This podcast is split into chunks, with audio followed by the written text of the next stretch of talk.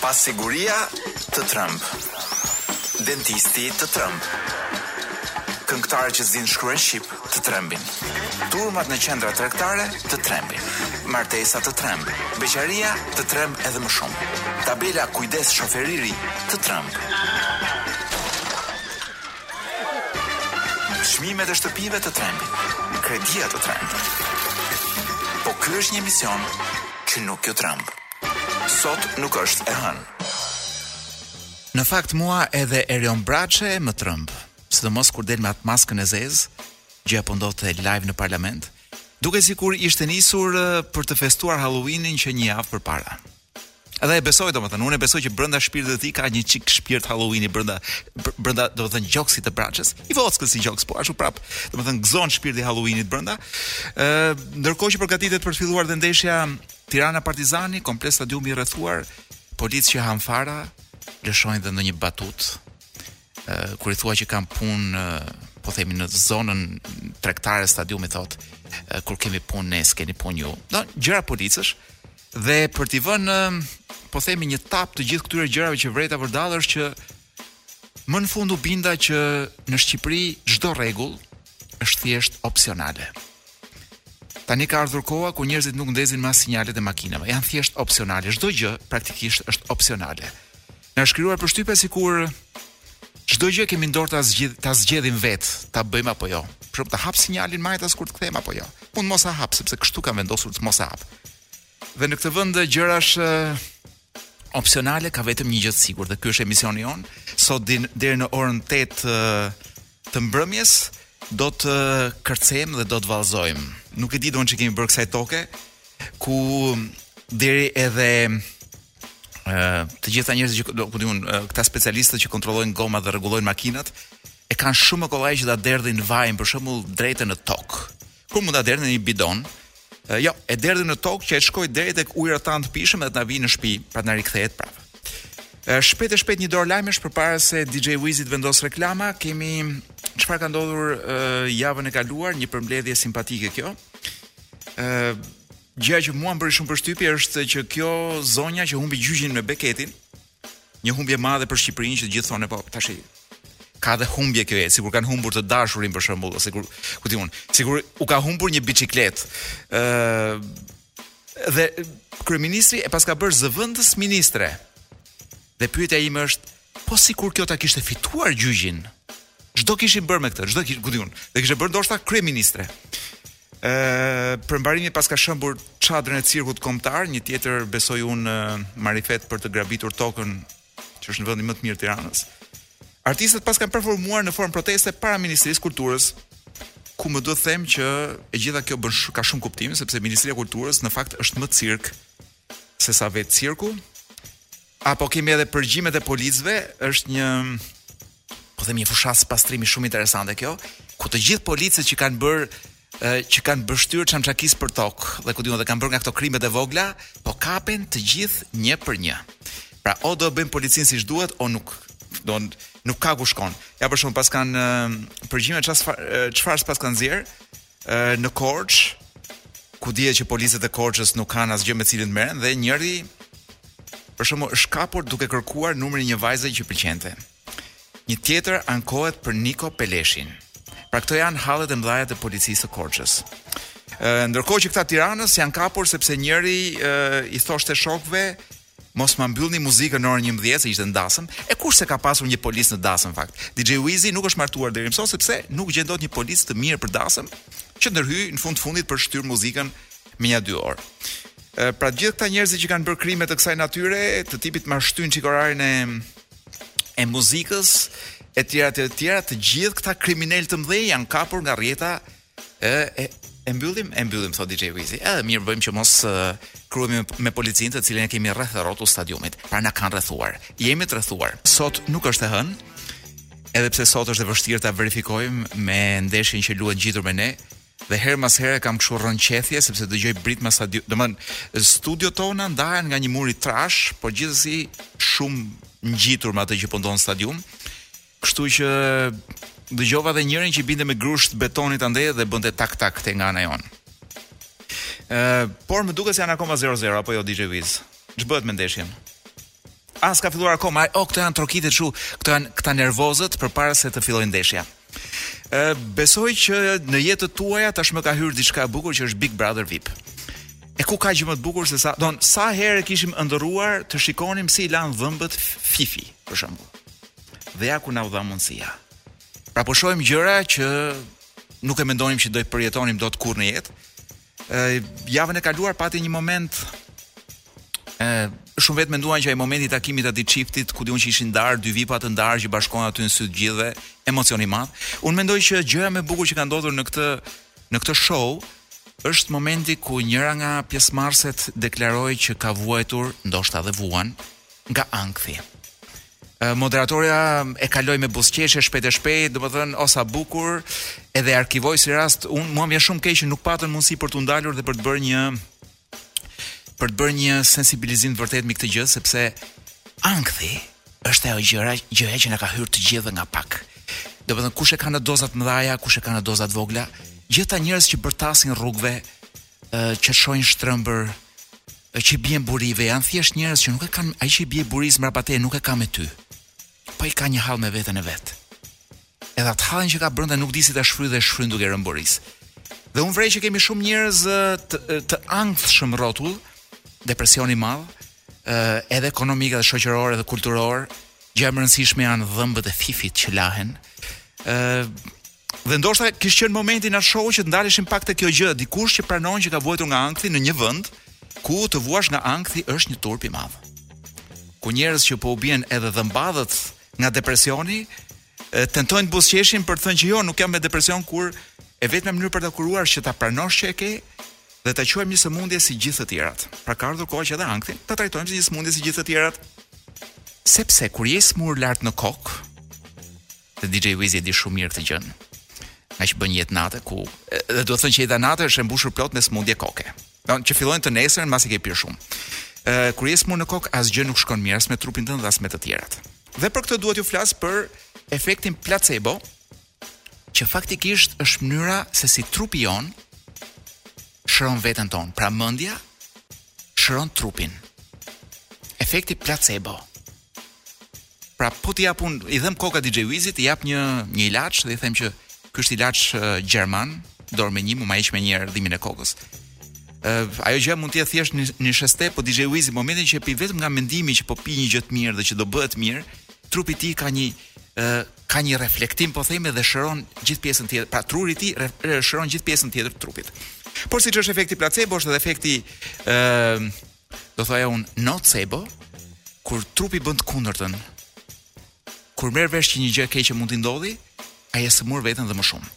Ë ka shumë ka një projekt të tërë që quhet The Spontaneous Remission Project, i cili ka arkivuar ngjarje mjekësore të shumta që tregojnë se si truri jonë arrin të shërojë trupin, po ngjarje që nuk për shembull DJ Wizit nuk i besoshin. Njerëz që kanë pasur HIV dhe mbas një mendimi pozitiv, pra mbas një qasje pozitive u është zhdukur. Njerëz që kanë pasur gradën e katërt të të kancerit, ku di unë smundje zemre, veshkash, diabetra, tensionra, ku di unë tiroide, smundje të gjitha mund të largohen në qoftë se truri jonë në mënyrë gati të pashpjegueshme vendos që duhet ta shërojë vetveten. Tani puna është si të arrijmë deri atje që ta shërojmë vetveten. Tash le të jemi të qartë. Në qoftë se jemi tullacër dhe duam që truri jonë të na rrisë flokë, kjo nuk më duket shumë e realizueshme. Pra truri jonë nuk mund të bëjë gjëra të tilla. Ose në qoftë se zgjohem një mëngjes dhe dua që gjithë ballkoni im të jetë me hashash të cilësisë së parë, për shembull truri im nuk arrin ta prodhojë këtë gjë. Por mund të shërojë sëmundje që ju i keni. Pra gjëra të brendshme dhe gjitha kjo është vetëm falë një mendimi pozitiv. Dhe aty ku dua të dal është që ankthi në të vërtetë është armiku më i madh i kësaj i këtij vetëshërimi. Po lexoja që paskemi të paktën 50 shpërthime stresi gjatë gjithë ditës. Njerëzit që janë me ankth i kanë kanë dyfishin apo trefishin. Por je i vetmuar. Je në depresion, je pesimist, je i palumtur në punë. Je në një marrëdhënie mizerabël. Seksi nuk funksionon mirë. Ku di unë ka shumë gjëra që mund mos funksionojnë mirë për ty dhe gjitha këto çfarë bëjnë? të bëjnë që ti thjesht jesh në një gjendje depresive dhe mos e lësh mend, lejosh mendjen tënde që të shërojë. Kështu pra duhet të flasim për ankthin dhe po nuk foli Arbana do flas unë ditë për ditë. Ë tash me mas gjithmonë.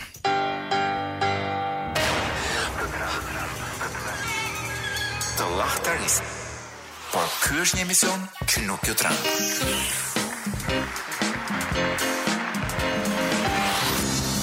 Sot nuk është e hënë. Sot eh, mora vesh që Halloweenin Shqipëria ka zgjatur e ka bërë një 3 ditë dhe po të kishim mundësi do e bënin dhe nja një javë. Domethënë ata që e kanë shpikur Halloweenin e bëjnë një ditë të vetme dhe e bëjnë në tridhjetë e një, po jo, ne nisim tre ditë para, tre ditë mbrapa, domethënë si si ta kemi nevojën tonë komerciale, po me këtë ju jeni mësuar tashmë. Dua t'ju flas për një gjë, për një këngë. Është një këngë e cila mua më më duket përveç se është nga ato kryeveprat ikonike do thoja unë të historisë muzikore, por është dhe kënga e fundit që kanë prodhuar ABBA së bashku. ABBA të cilët kanë vendosur të rikthehen në skenë dhe janë të gjithë mbi 70. Njëri më duket se ishte 76 vjeç. Pra po bëjnë një album dhe pyetja që më pati lindur është kjo po ç'nevojë kanë? Pra kanë 40 vjet që s'bëjnë muzikë bashkë. Janë nga muzikantët më të pasur në botë, sepse muzika e tyre është luajtur kaq shumë dhe është përdorur kaq shumë sa që i ka bërë miliarder praktikisht. Ç'nevojë kishin që të bëjnë një album tjetër dhe Dhe e vetmja përgjigje që e ka thënë njëri nga këta për The Guardian ishte që nuk duam të vdesim pa bërë dhe një herë këtë gjë. Siç thotë gjithmonë uh, DJ Wizi sa herë zgjohet në mëngjes, nuk dua të vdes pa e pirë një kafe mëngjesi me Bebe Rexhën. Edhe ka kohë akoma domethënë sepse dikur do të vijë ajo ditë ku ai dhe Bebe Rexha do ulen dhe do do, sh, do shkëmbejnë mendime për muzikën. Po Abat ndërkohë uh, përgatiten për një album që do dalë thonë në nëntor, edhe një koncert në vitin që vjen. Kënga që unë desha t'ju prezantoj është një këngë uh, e 82-shit dhe është kënga e fundit që kanë regjistruar në studio së bashku. The Day Before You Came. Është një këngë që më pëlqen shumë sepse ka uh, melodia është është melankolike, po teksti në fakt ka një lloj optimizmi dhe pozitiviteti brenda. Por të dy dhe kombinimi i këtyre dy elementëve, pra një muzikë melankolike me një tekst që nuk është aq melankolik, më duket një gjë shumë gjeniale. Kjo ishte gjithë dita që ka një njeri i vetmuar përpara se në jetën e tij të futej ajo ose ai, sepse tani nuk mund të paragjykojmë se kush të futet në jetë, Nganjëherë të futet dhe një mace e vockël, kupton dhe të ndryshon jetën dhe befas jeta jote merr kuptim.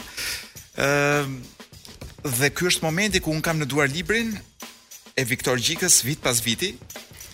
Ë uh, është uh, libër me kujtime, po gati një ditar do thoja unë i regjizorit. Viktor Gjika është për mua një nga regjizorët, për të mos thënë më i madhi regjizor shqiptar që kemi bashkë me Taqo Anagnostin, pa lënë mënjanë të tjerët shumë të mirë. Po dora e Viktor Gjikës duket në gjithë filmat e tij dhe unë besoj që ai shumë emocional ka shkruar, do ka ka realizuar ndoshta një nga historitë më të bukura të dashurisë në filmat shqiptarë. Ë uh, jo një, disa në fakt. Po mua më pëlqen shumë sidomos uh, Historia e dashurisë në filmin me Dedën dhe besoj që është dashuria e atij njeriut që ngjitej në majë të shtyllave me recepcionisten e tij, dashuri mes telefonash dhe në majë të malesh, më duket një gjë shumë e bukur. Ë Viktor Gjika ka shkruar ditarin dhe kanë botuar miqtë e vet mas vdekjes. Unë po shfletoj dhe kudo që shfleton ka nga një gjë të bukur.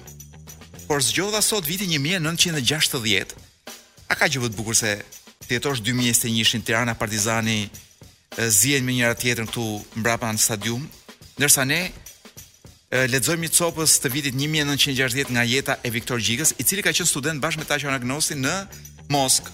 Dhe aku thotë, në fillim të pushimeve dimërore vajtëm në kampin Ostankino, shkuam me ski këmbë, shkuam me ski këmbe nga Jauza që ishte stacioni i fundit i trenit.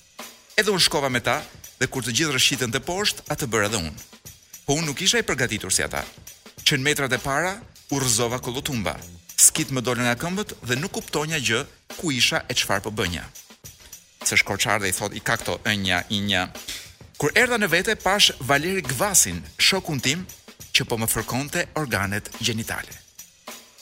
E mo Wiz, S'kemi pasur kurrë shok kaq të mirë që po të pa në vështirë të fërkon. Sepse, shiko, nuk e ka fërkuar me qëllimin, si me thënë, për t'i dhënë gëzimet, gëzime, po themi, mashkullore, por e ka fërkuar që ta ngrijë dhe i ka thënë, lëviz dhe mos ndalo, më dha urdhër.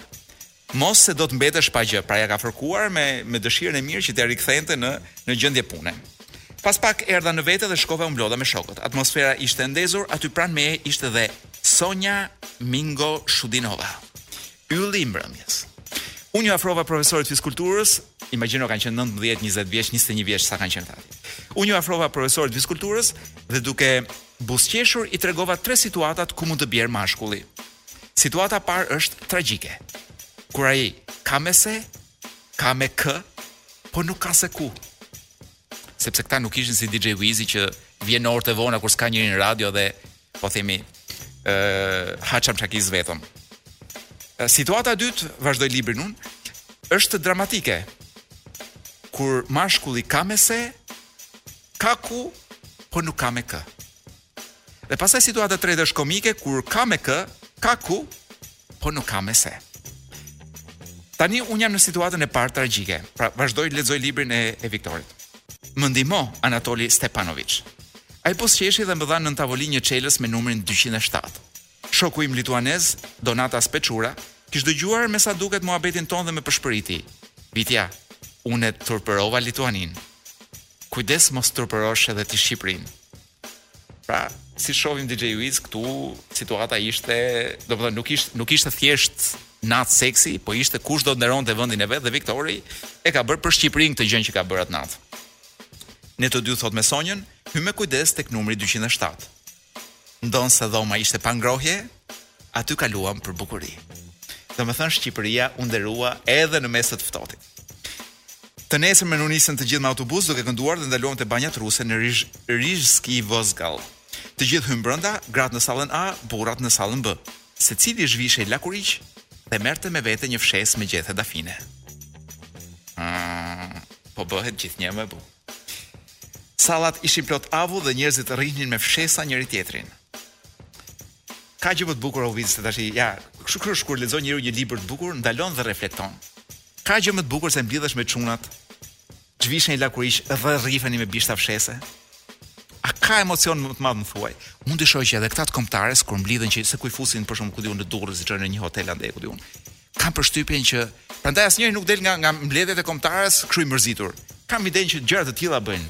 Zhvishen lakuriq, rrifen me fshesa, DJ Wizi thotë mbylle se na eksitove. Dhe do ta vërë me këtë rast për t'ju ftuar dhe juve që ju eksitojnë librat. A mos harroni që këtë librin vit pas viti mund të mos e gjeni, por nëse gjithë bar sepse mund të jetë mbaruar, por nëse shtëpisë botuese Toena i bëjmë çik presion, ata mund ta ribotojnë. Kujtime vit pas viti nga Viktor Gjika, regjisor i madh shqiptar. Ky botim im është i dy mijë e nëntës. Ndërkohë që matanë në stadium zhvillohet ndeshja Partizani Tirana, ku njerëzit hahen dhëmb më dhëmb, është gati e njëjta atmosferë si te Squid Game. Ë, domethënë i njëjti intensitet luftarak dhe atje.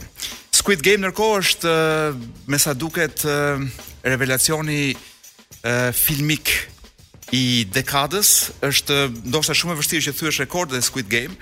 Është shfaqja numër 1 në Netflix në 90 vende dhe i ka gjithë elementet brenda, ka çik Tarantino, ka çik Terry Gilliam, ku di unë ka lojra për fëmijë dhe në imagjino në TikTok Squid Game është parë të paktën 20 3 miliard miliard herë. Ë dhe gjitha këto kanë bërë që në Korenë e Jugut gjatë kohës që shfaqej seriali të kishte një ngadalësim të internetit, saqë providerat e internetit vendosën që t'i kërkojnë Netflixit që t'i dëmshpërblente, meqenëse shkaktoi, siç thashë, dëme në qarkullimin e informacionit. Por gjëja më interesante për këtë pjesën e Squid Game-it është mënyra se si është parë në Korenë e Veriut. gjëja që ka ndodhur në Korenë e Veriut është faktikisht e njëjta gjë që ndodhte edhe në Shqipëri në kohën e komunizmit, ku çdo gjë që ndodhte jashtë ne e përkthenim me stilin tonë. Dhe e gjithë gjëja e Squid Game-it sigurisht që është përmendur nga mediat e Koresë së Veriut, duke e shpjeguar si një sëmundje të madhe të kapitalizmit. Pra ata kanë pritur momentin për ta shpjeguar Squid Game-in me prizmin e tyre dhe një nga gjërat që thonë është që Në qoftë se ju shkoni në botën perëndimore, ajo çfarë ju pret është pikërisht ajo që ndodh në në këtë serial.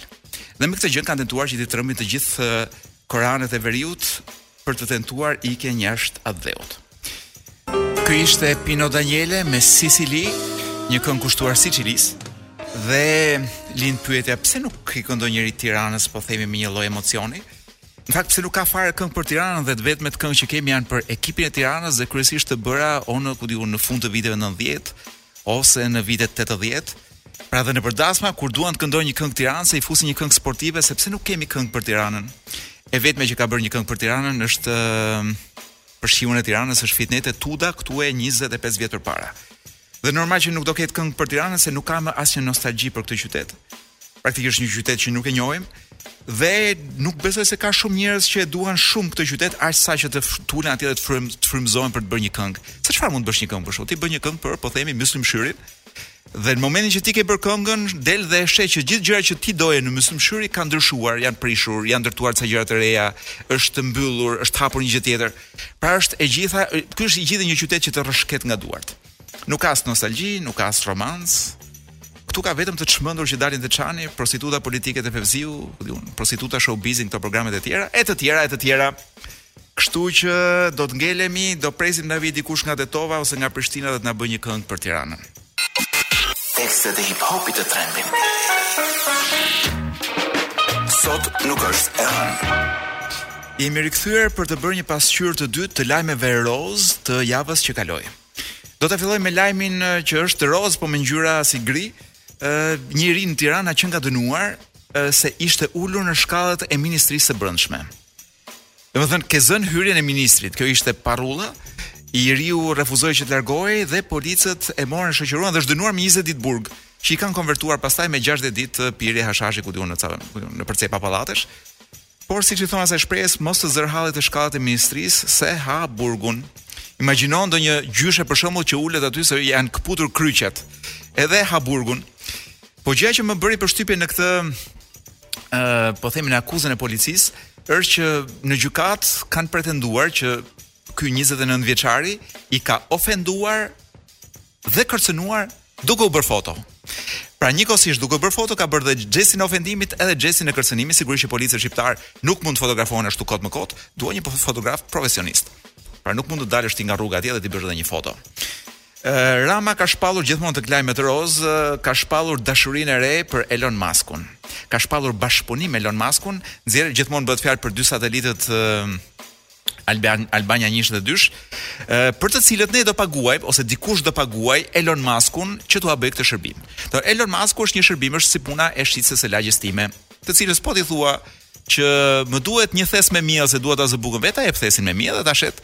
Kështu sa shesin, ku di un. Sa shet sa shet radio DJ Wizin. Pra shumë shtrenjt. Kështu që edhe Elon Musk kushdo që të trokas në derë, do ja bëj shërbimin në në në ë pra kundrejt pagesës. Ndërkohë që Rama ka tentuar ta shpall sikur është po themi Freddy Krueger shqiptar tashmë në bashkëpunim krah për krah me Iron Manin amerikan. edhe bëri edhe një telefonat me një teknik që është duhet të jetë nga ata njerëzit që mm, kompanit i nxjerrin kur vijnë kalamajt e shkollës për vizitë në një kompani të madhe, u nxjerrin një çun të vogël, një që një prej tyre që nuk ka shumë punë atje në kompani dhe i thonë shoqëroji një çik këta, tregoju një çik këtu hyhet, këtu dilet, këtu bëhet kjo, këtu bëhet ajo. Dhe një të tillë i kanë nxjerrë dhe Ramës sa për të bërë atë filmimin dhe për të na për të na treguar neve se si tekniku i Elon Muskut flet me teknikun e Shqipërisë që është vetë Rama. Tjetër ngjarje simpatike rozë është një deklaratë e Bashës, i cili nuk e di ç'ka pasur, po ka thënë, do nuk e di në ç'moment delikat të ditës ka qenë, ndoshta mbas larjes së dhëmbëve, ë që dihet që i ka shumë delikat sepse buzëqeshja është shumë e rëndësishme për të. Pas ka thënë, po të dua e mbush sallën më lehtë se Berisha, po nuk dua që ai të ndjehet keq. Leon, Po, jo se nuk do që ai të ndihet keq, po nuk do që ai të ndihet keq. Dhe unë mendoj që përveç faktit që duhet të ketë bërë shumë prova për ta thënë këtë frazë para pasqyrës, por lind pyetja me se mendon Basha se mund ta mbush atë sallën. Për shkak se me këta njerëz që mbushin foltoret e Berishës, unë nuk besoj që asnjë nga ne do të mund t'i mbushte sallat kurr. Domethënë ku di un, edhe Elon Musk po të vinte s'e mbush dot një sallë të tillë, sepse këta njerëz që shoh nganjëherë, shoh ca njerëz që Më duket sikur koha ka ngrirë për ta. Dalin domethën kanë 25 vjet pa dalë nga fshati dhe tani po dalin për herë të parë mbas 25 vjetësh në këtë rast të rëndësishëm sepse duan t'i japin besën doktorit. Dhe ja shikoj ç'ka thënë njeri në një nga këto foltoret e Berishës. Ja ta gjej ku e ka foltoren. Ë kjo foltore e Dibrës paska qenë. Një nga këta demokratët e Dibrës i ka thënë frazën lapidare. Bashën nuk e mbron dot as Erdogrul Salianji, as Vandam Bardhi dhe as Angelina Jolie. Tani këtu është shumë e qartë që ky ka përzier gjithë kulturën e vet filmike. Ka përzier filmat që sheh tani, që është Erdogruli. Edhe filmat që ka parë kur ka qenë i vogël, që ato me Vandami, i cili është 90 vjeç tash, më i vjetër se Berisha. Ama ka futur këtu në mes edhe ëndrrën e tij erotike që është Angelina Jolie, Dhe besoj me, me për këtë ta ketë pasur ta ketë pasur fjalën për Angelina Jolie, besoj për Grida Dumen. Si me thënë, ë uh, filma, domethënë gjithë historia e kinemasë botërore në gojën e një demokrati përpara Berishës. Këto ishin lajmet roz të javës që kaloi, ne rikthehemi tek uh, muzika jonë.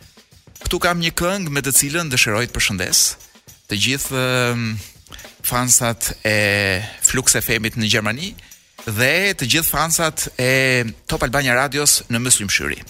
Përshëndes gjithashtu gocën më të bukur të Myslym Shyrit, Edi Veta, se cila është, DJ Wizi tak nxorri katër emra nga lista e vet dhe për, për t'u çuar një mesazh për t'u thënë e pa çfarë bëra për ju. E bëra folësin e emisionit ju përshëndesin. Tani do të flasim pak për në kohën që DJ Wiz na ka lënë, do të flasim pak për një gjë shumë të rëndësishme dhe këto janë është pjesa ku ne flasim për seksin. apo siç e themi nganjëherë për tabiatet tona të seksit. Sepse seksi është një gjë shumë e rëndësishme, por problemi me sa duket është që të gjithë shkojmë atje në përvojën tonë seksuale me një farë lloj paragjykimi dhe gjeni se kush janë nga më të paragjykuarit në botë, meshkujt. Ka tre gënjeshtra, pra tre mite të mëdha për meshkujt, të cilat i kishte vënë një studim në dukje dhe unë po i përmbledh shpejt e shpejt për t'jua thënë juve. Tre mite mbi të cilat ngrihen paragjykimet të vajzave, gocave që të vogla, madje vjen një moment ku edhe meshkujt fillojnë dhe i besojnë si të vërteta këto paragjykime.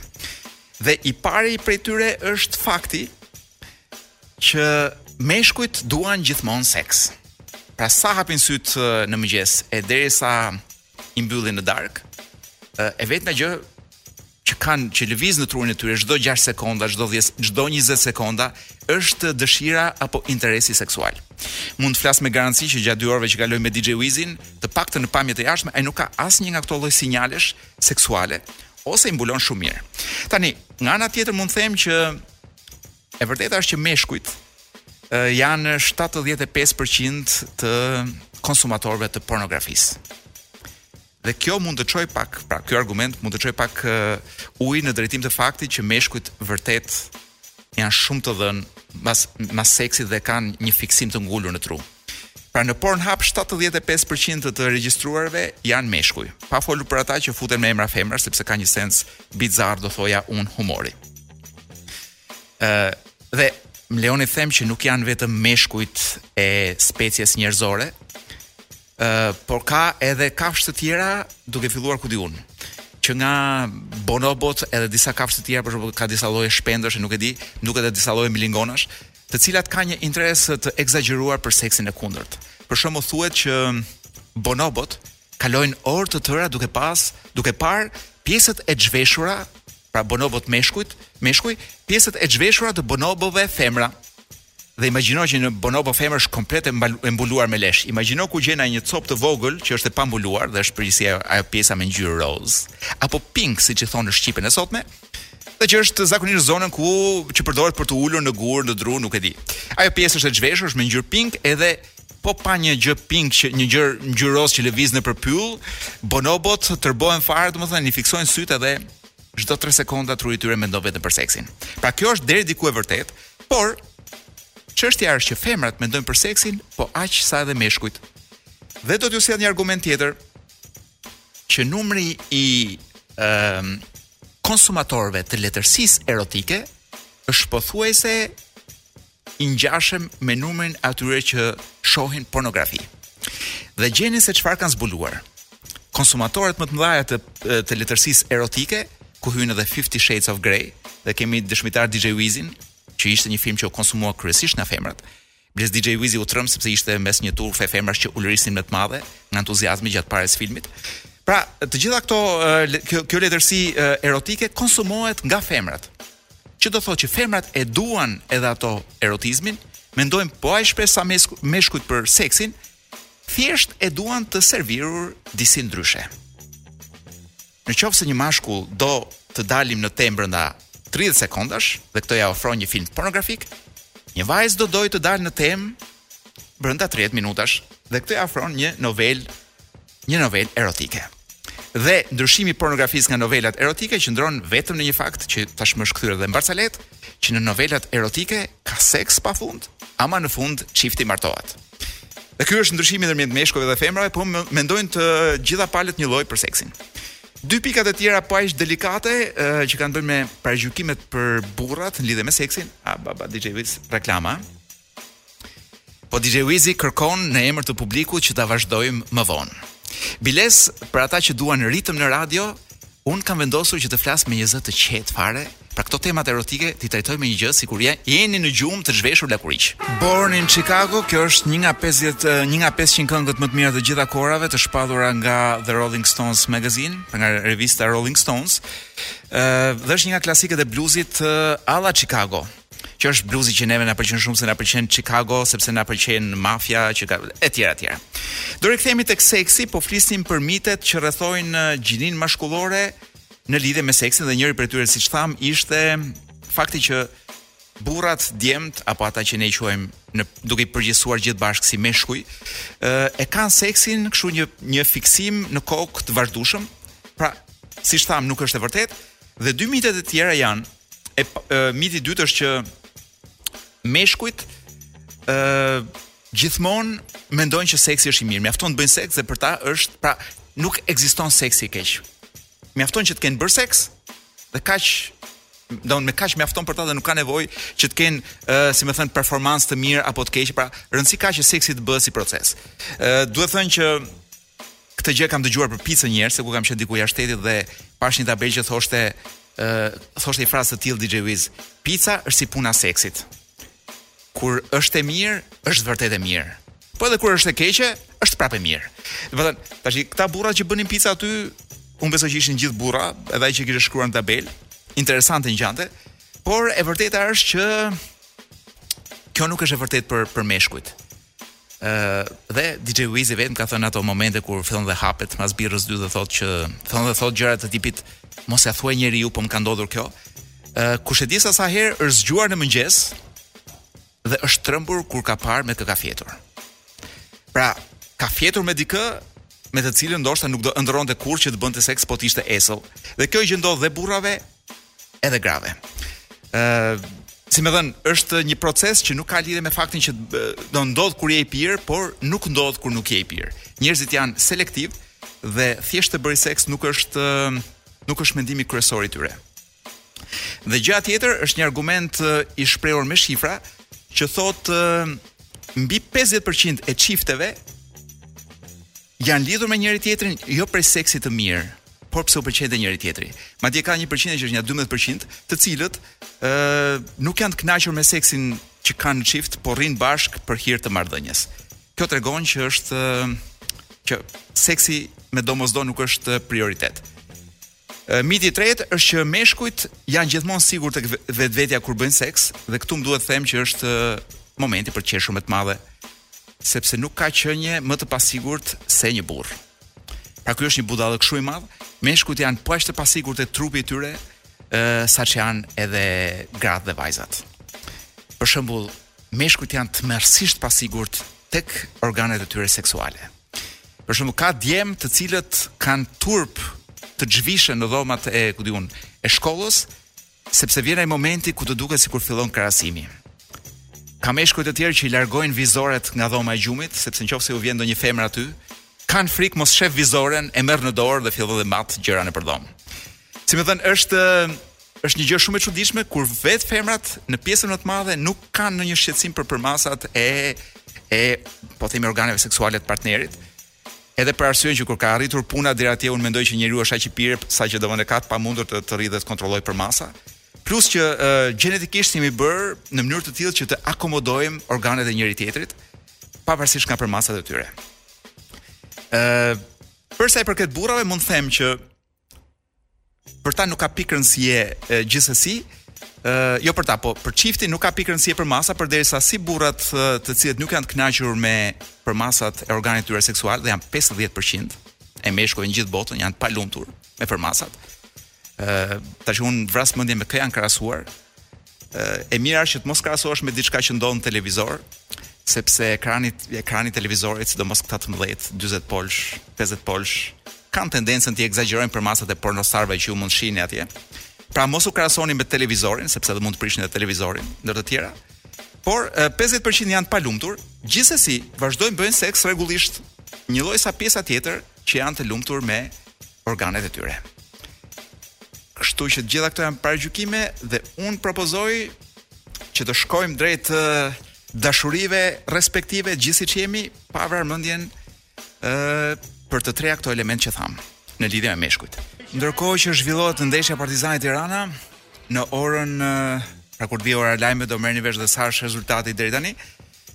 Unë dëgjoj vetëm britmat, ka një entuziazëm të jashtëzakonshëm, njerëz që po i shfryjnë gjithçka mbledhur gjatë gjithë javës, gjithë inatet me gjithë komshinjtë, me gjithë botën, me gjithë shokët e punës, të gjitha po i shfryjnë aty në stadium. Dhe shyqyr që kemi një vend ku t'i shfryjmë. Përpara meje kam një listë që ju e keni sigurisht konsum, e keni parë edhe në rrjetet tona sociale, është kam më tepër një statistik në formë harte ku tregohen vendet me llogari bankare, pra përqindja e njerëzve që kanë llogari bankare në shtete të ndryshme. Dhe gjeni se kush është në vendin e parë për numrin më të vogël të banorëve që kanë një llogari bankare. Ky vend sigurisht është Shqipëria, vendi që ka përqindjen më të ulët të këtyre pa llogari bankare është Danimarka me 0.1%. Pra vetëm 0.1% e danezëve mbi 15 vjeç nuk ka një llogari bankare. Ë besoj që edhe diferencat në mënyrën se si jetojmë, edhe në po themi në standardet e jetesës janë shumë të qarta, por në hartën që un kam përpara dhe siç thashë ju mund ta shihni në rrjetet tona sociale, kuptohen mirë që vendet më të lodhura po themi Shqipëria, Bosnja, çfarë kemi tjetër këtu, Bullgaria. Domethënë ka një sasi don është një Moldavia atje diku në fund, Ukraina. Pra vende të cilat nuk kanë një standard shumë të lartë jetesës, kanë të gjitha ë nivele shumë të larta të njerëzve pa llogari bankare. Domethënë, pasja e një llogarie bankare tregon në një farë mënyre edhe mirëqenien e atij vendi. Nordikët janë të gjithë me llogari bankare, Këtej nga Franca, Italia ka një çik lodhje më shumë, Spanja gjithashtu, Gjermania është shumë mirë. Ju do thoni për çfarë ta duan llogarinë bankare shqiptarët kur nuk ka lek. Kjo është një gjë që pra ky është një argument me vlerë. Ndryshe nga Zvicra ku edhe llogaritë bank, domethënë edhe llogaritë bankare kanë gjithashtu llogari bankare të vetat. Në Shqipëri nuk ke çfarë ta duash një llogari bankare. Ë, Mund të jetë një arsye kjo puna e varfërisë njerëzve. Ose ndoshta mund të jetë edhe perceptimi që shteti mbështet bankat në kurriz të njerëzve. Mund të jetë Megjithëse kjo nuk besoj sepse Greqia vetë kaloi një situatë të tillë me banjë një problem me bankat, po nuk ra, po ta shohësh numri i Greqisë është njëlloj saç është në perëndim. Ëh, Varfëria mund të jetë tham, mund të ketë ndoshta një mosdije të njerëzve ka gjithashtu para që kalojnë në cash jashtë sistemit bankar, por un preferoj të mendoj që shqiptarët janë të tillë, pra bëjnë këtë gjë për një arsye tjetër. Preferoj të mendoj që shqiptarët nuk kanë llogari bankare sepse kanë vendosur të bëjnë një revolucion. Një revolucion kundër rendit të ri botëror dhe kundër kontrollimit total të bankave nga elitat. Dhe shqiptarët në këtë rast, pra kur vjen puna te revolucionet, ja ku janë atje të parët. Sigurisht të fundit për sa i përket mirëqenies. Jemi shumë afër fundit, ë uh, juve besoj, juve që keni fëmijë, jam i bindur që kur zgjoheni në mëngjes keni një një motiv në kokë muzikor dhe bën pak a shumë kështu. Baby Shark na na na na na na Baby Shark na na na na na na sepse ju e dëgjoni nga 1 milion herë, ë fëmijët tuaj duan ta dëgjojnë Baby Sharkun Dhe në kokën tuaj ngulet kjo gozhda Baby Shark. Unë do thoja, në qoftë se doni të bëni një alternativë, ndërrojeni, bëjeni kështu. DJ Wiz na na na na na na DJ Wiz na na na na na na. Dhe për t'jua hequr këtë Baby Sharkun nga koka, kemi vendosur t'ju fusim një gozhdë tjetër, sepse gozhda del me gozhdë. Pra këtë fiksimin me Baby Sharkun do ta heqim, fiksimin e trurit tuaj pa dashjen tuaj, do ia heqim me këngën më të fundit nga Maneskin. Është e sapodalë, është taze fare. E kanë nxjerr para pak ditësh, Mamma Mia titullohet, rock i pastër italian. Sot nuk është e hënë, rikthehet javën e ardhshme në të njëjtën orë, në të njëjtën ditë, në të njëjtën radio.